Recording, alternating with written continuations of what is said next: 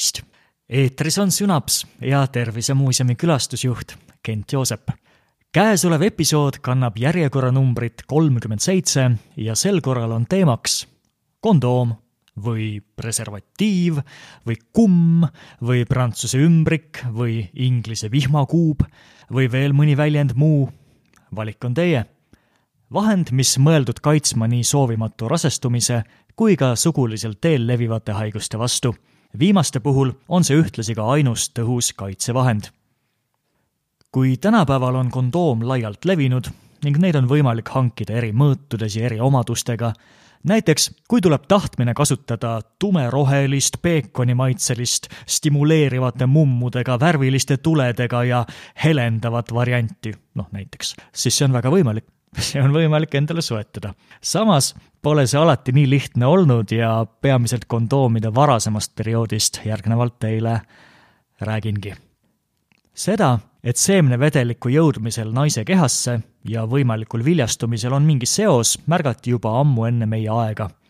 sealt edasi hakkasid tekkima teooriad ja praktikad, kuidas soovimatuid lapsi ja ebamugavaid haiguseid vajadusel vältida võeti ette erinevaid maagilisi rituaale, loitsud, palved, tupepesu, pea peal seismine, peenise väljatõmbamine enne seemnepurset, hulk erinevaid ravimtaimi ja segusid ja pikka aega oli ja paraku mõningates piirkondades on veel nüüdki levinud peamise nii-öelda siis jutumärkides pereplaneerimismeetodina ka lapse tapp.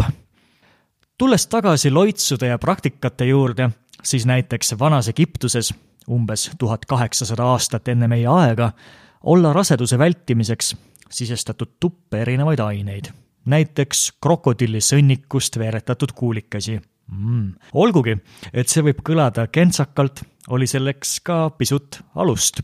esiteks takistasid kuulikesed sperma liikumist ja teiseks on sõnnik õige pisut spermitsiidsete ehk seemnerakke hävitavate omadustega. ja siinkohal rõhutan, et antud vahend pole ei tõhus ega tervislik, nii et paluks neid kuulikesi mitte sel otstarbel kasutada. tänan vanas Kreekas näiteks olla kirjeldanud Aristoteles raseduse vältimiseks meetodit, kus emaka kaela ette pandi oliiviõli ja mee segust veeretatud kuulike et vältida sperma sisenemist emaka õõnde. barjäärmeetod. emakakaela kaitsmise idee on veelgi vanem. emakakaela mehaaniliseks sulgemiseks on kasutatud näiteks poolitatud happelisi puuvilju, näiteks sidruneid. sidrunimahl oli selle aja kohta küllalt tõhus rasestumisvastane vahend, sest selle happelisus on spermale kahjulik ja see põhimõte on edasi arenenud, edasi arendatud ja olnud mõnes mõttes eeskujuks ka kaasaegsete vahendite, näiteks Pessaari äh, kasutuselevõtuks. igatahes, rasestumisvastaste vahendite areng on ka omaette põnev teema, kuid nüüd tagasi täpsemalt siis kondoomide juurde, nagu ennist ka lubatud sai varaseim dokumenteeritud teade kondoomi meenutava suguhaiguste vastase kaitsevahendi kohta on leitud Itaalia arsti Gabriele Fallopio töödest. Fallopio elas ja tegutses kuueteistkümnendal sajandil ja oli üks paljudest, kes püüdis võidelda üle Euroopa levinud süüfilise vastu.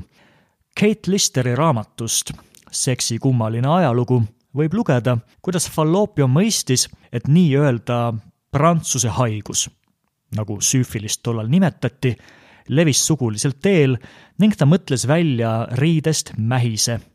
see riidest mähis paigutati peenise pea ümber, et nakatumist takistada. tõsi küll, falloopiumähis oli mõeldud kasutamiseks mitte seksi ajal, vaid pärast seksi, et puhastada peenis infektsioonist. tsiteerin falloopiat.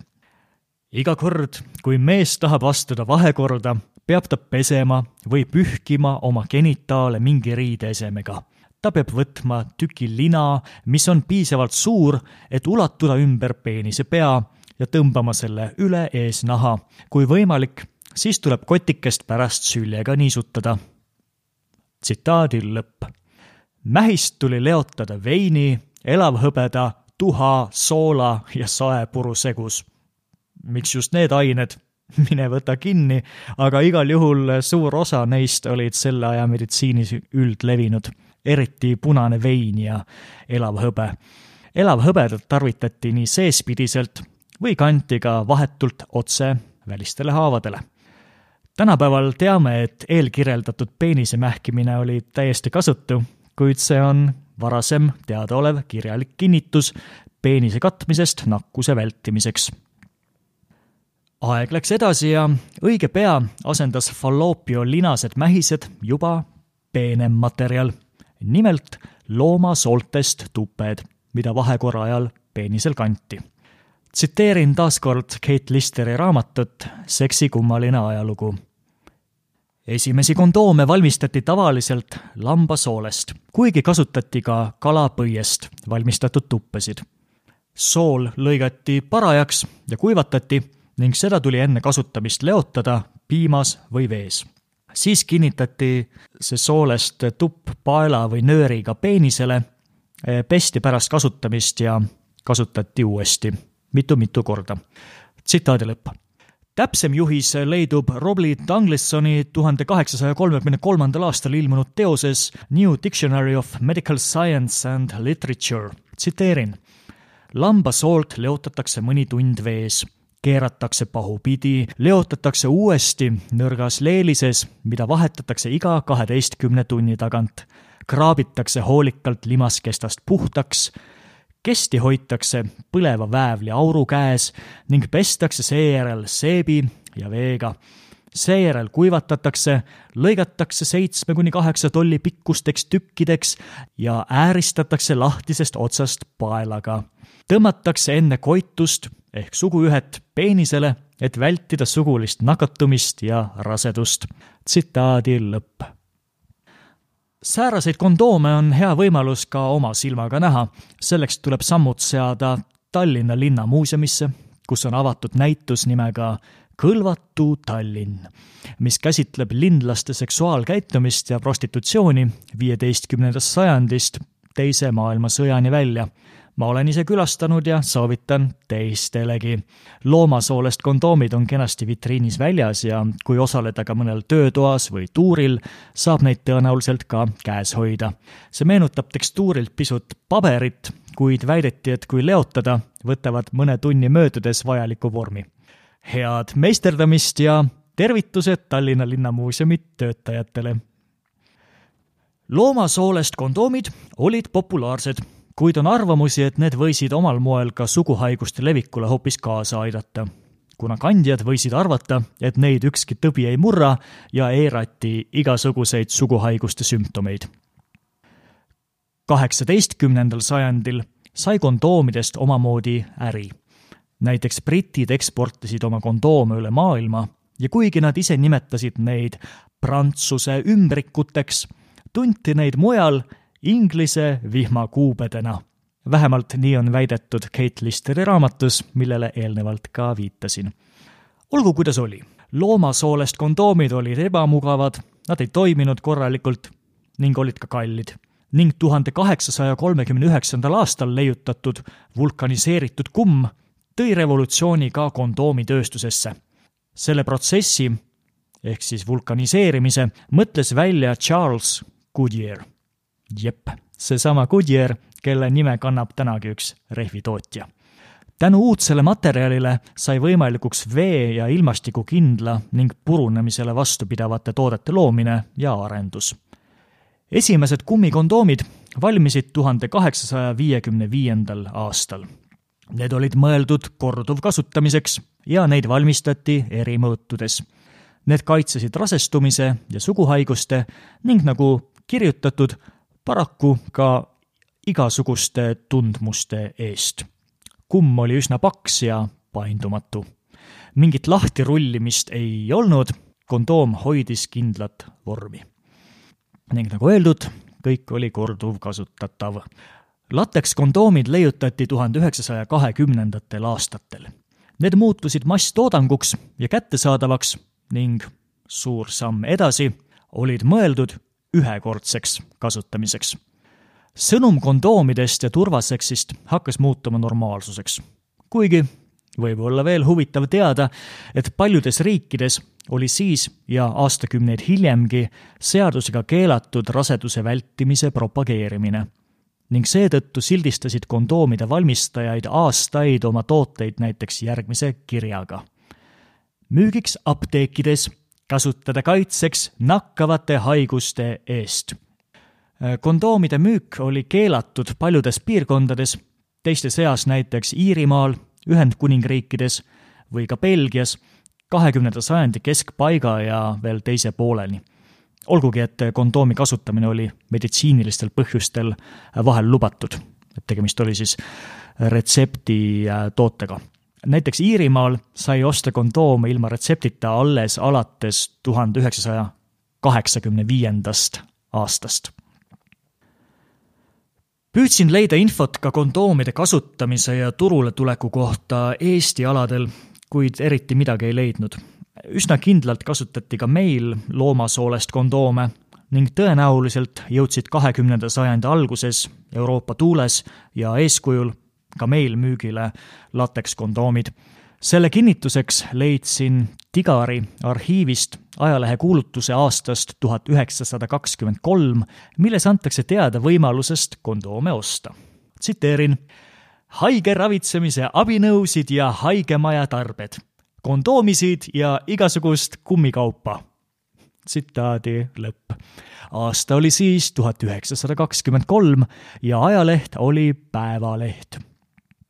Muus osas tuleb tunnistada, et kondoomide Eestisse jõudmine ja kasutamine on suuresti uurimata valdkond vähemalt Tervisemuuseumi kogudes sellest kuigi palju materjale pole. nii et jällegi, kui keegi ajaloolane otsib endale uurimisteemat, siis siin on üks, millega tegeleda võiks. ja muidugi, kui kellegi valduses on mõni hea lugu või muud infot, siis võib ka alati Tervisemuuseumiga ühendust võtta. Sel puhul võib alustuseks kirjutada kas või näiteks minu meiliaadressile kent at tervisemuuseum.ee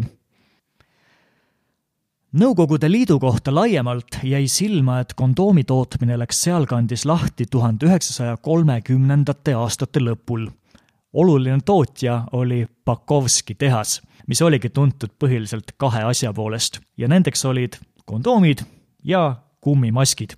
Sõja-aastatel seal kondoome ei toodetud ja selle juurde jõuti tagasi viiekümnendate aastate keskel. ja seda kõike vahendan ühest väljaandes Russia Beyond ilmunud artiklist What kind of condoms did the Soviets use, mille lingi jagan ka episoodi lisamaterjalide alla. nii, ühesõnaga Need kondoomid, mida seal toodeti, polnud eh, libestiga töödeldud nagu tänapäevased, vaid olid hõlpsama kasutuse eesmärgil kaetud õhukese talgipulbri kihiga. artiklis toodi veel välja, et nende lõhn romantilise atmosfääri loomisele kaasa ka sugugi ei aidanud, aga oli mis oli, nii see elu käis ja parema puudumisel neid kasutati ja asjad said aetud lisaks vahekorra kaitsmisele leidsid kondoomid väidetavalt kasutust ka näiteks matkajate ja geoloogide seas, kes hoiustasid neis näiteks pinnaseproove või midagi muud olulist, mis vajas kaitset ilmastiku eest, kas või sigarette.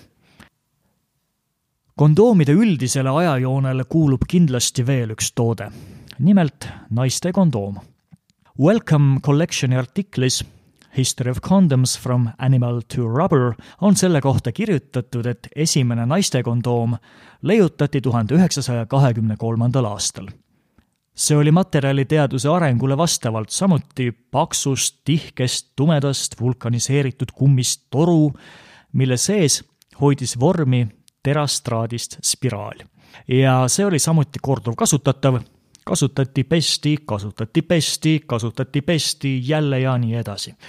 esimene kaasaegne naiste kondoom tuli turule tuhande üheksasaja üheksakümne kolmandal aastal ja taaskord Welcome Collectioni artiklis kirjeldati, kuidas see võeti vastu pehmelt öeldes jahedalt. naised olla leidnud selle toote veidra ja kehva kasutusmugavusega, seda oli keeruline tupeavasse sisestada ja kardeti, et see võib valmistada liigset ebamugavust ka meedia vastuvõtt oli jahe, pigem seda naeruvääristati ja kasutegurite asemel toodi välja kitsaskohti. Võrreldi seda näiteks võileivakoti või lennujaamades kasutatavate tuulesokkide või ka Edward Munchi maaliga Karje. aga igatahes õigel kasutamisel on naiste kondoom ehk femitoom täieõiguslik alternatiiv ja tagab samaväärse kaitse.